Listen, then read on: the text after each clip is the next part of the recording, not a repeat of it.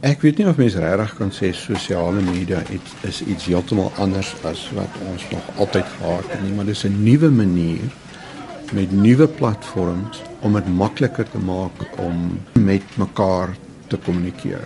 So sosiale media is net 'n nuwe vorm van 'n ou ding wat al lankal daar was en dit maak dit makliker, maar dit maak dit ook baie keer moeiliker want dit is nou maar so dat met soos met enige nuwe platform of 'n nuwe diens, party mense is nie so seker oor wat hulle mag sê en wat hulle nie mag sê nie.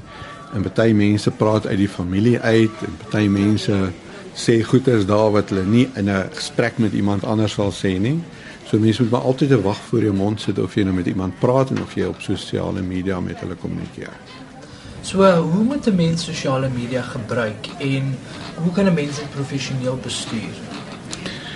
Hoe moet mense dit gebruik? Versigtig, dink ek is is die is die beste woord. Want mens moet mooi dink voor jy iets sommer net skryf en uitstuur.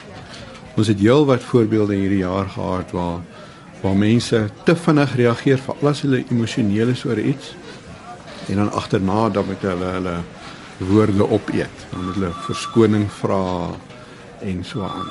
Ons sê altyd vir ons joernaliste, moenie iets op sosiale media sit as jy dit nie regstreeks op radio of TV sou uitsaai nie. So hoe sal jy die misbruik van sosiale media definieer?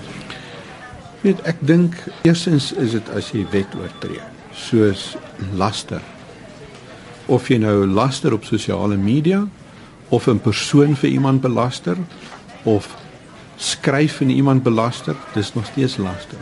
So al die land se wette is net so van toepassing op enige sosiale media boodskappe as op enige ander boodskap.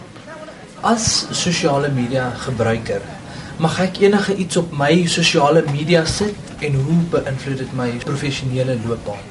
Dit kan beslis jou professionele loopbaan beïnvloed as ek uh, aansoeke kry vir vir mense wat hier in die digitale nuuskantoor kom werk, die eerste ding wat ek doen is om te kyk wat doen hulle op Twitter en Facebook.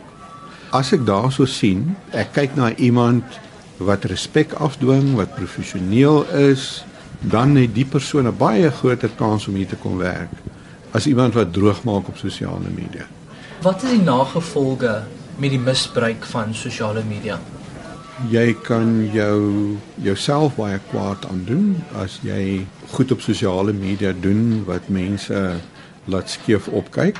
En erger as jy die wet oortree dan kan jy gedagvaar word of so kwaadspraak en so aan. Daar is 'n hele paar voorbeelde waar mense in die hof moet gaan verduidelik hoekom hulle hoekom hulle dit doen.